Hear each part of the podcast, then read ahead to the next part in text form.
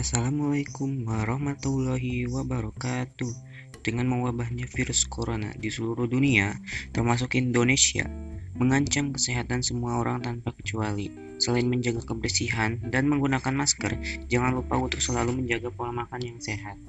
Nah, maka dari itu, kelompok kami akan membahas dan mengajak agar kita menjaga pola makan yang sehat.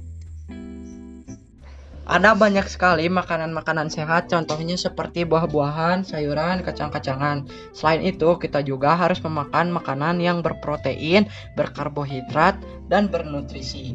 Ada banyak manfaat memakan makanan yang sehat seperti satu, Membantu menurunkan dan mempertahankan berat badan ideal 2. Mengurangi risiko penyakit jantung 3. Membuat tulang dan gigi kuat 4. Menjaga kecantikan kulit 5. Mengontrol gula darah dan 6. Mendukung kesehatan otak oleh karena itu, kita harus lebih sering memakan makanan sehat dan jangan terlalu banyak makan makanan yang tidak sehat karena jika kita memakan makanan yang tidak sehat terlalu sering itu bisa membuat kita terkena penyakit seperti anemia dan obesitas.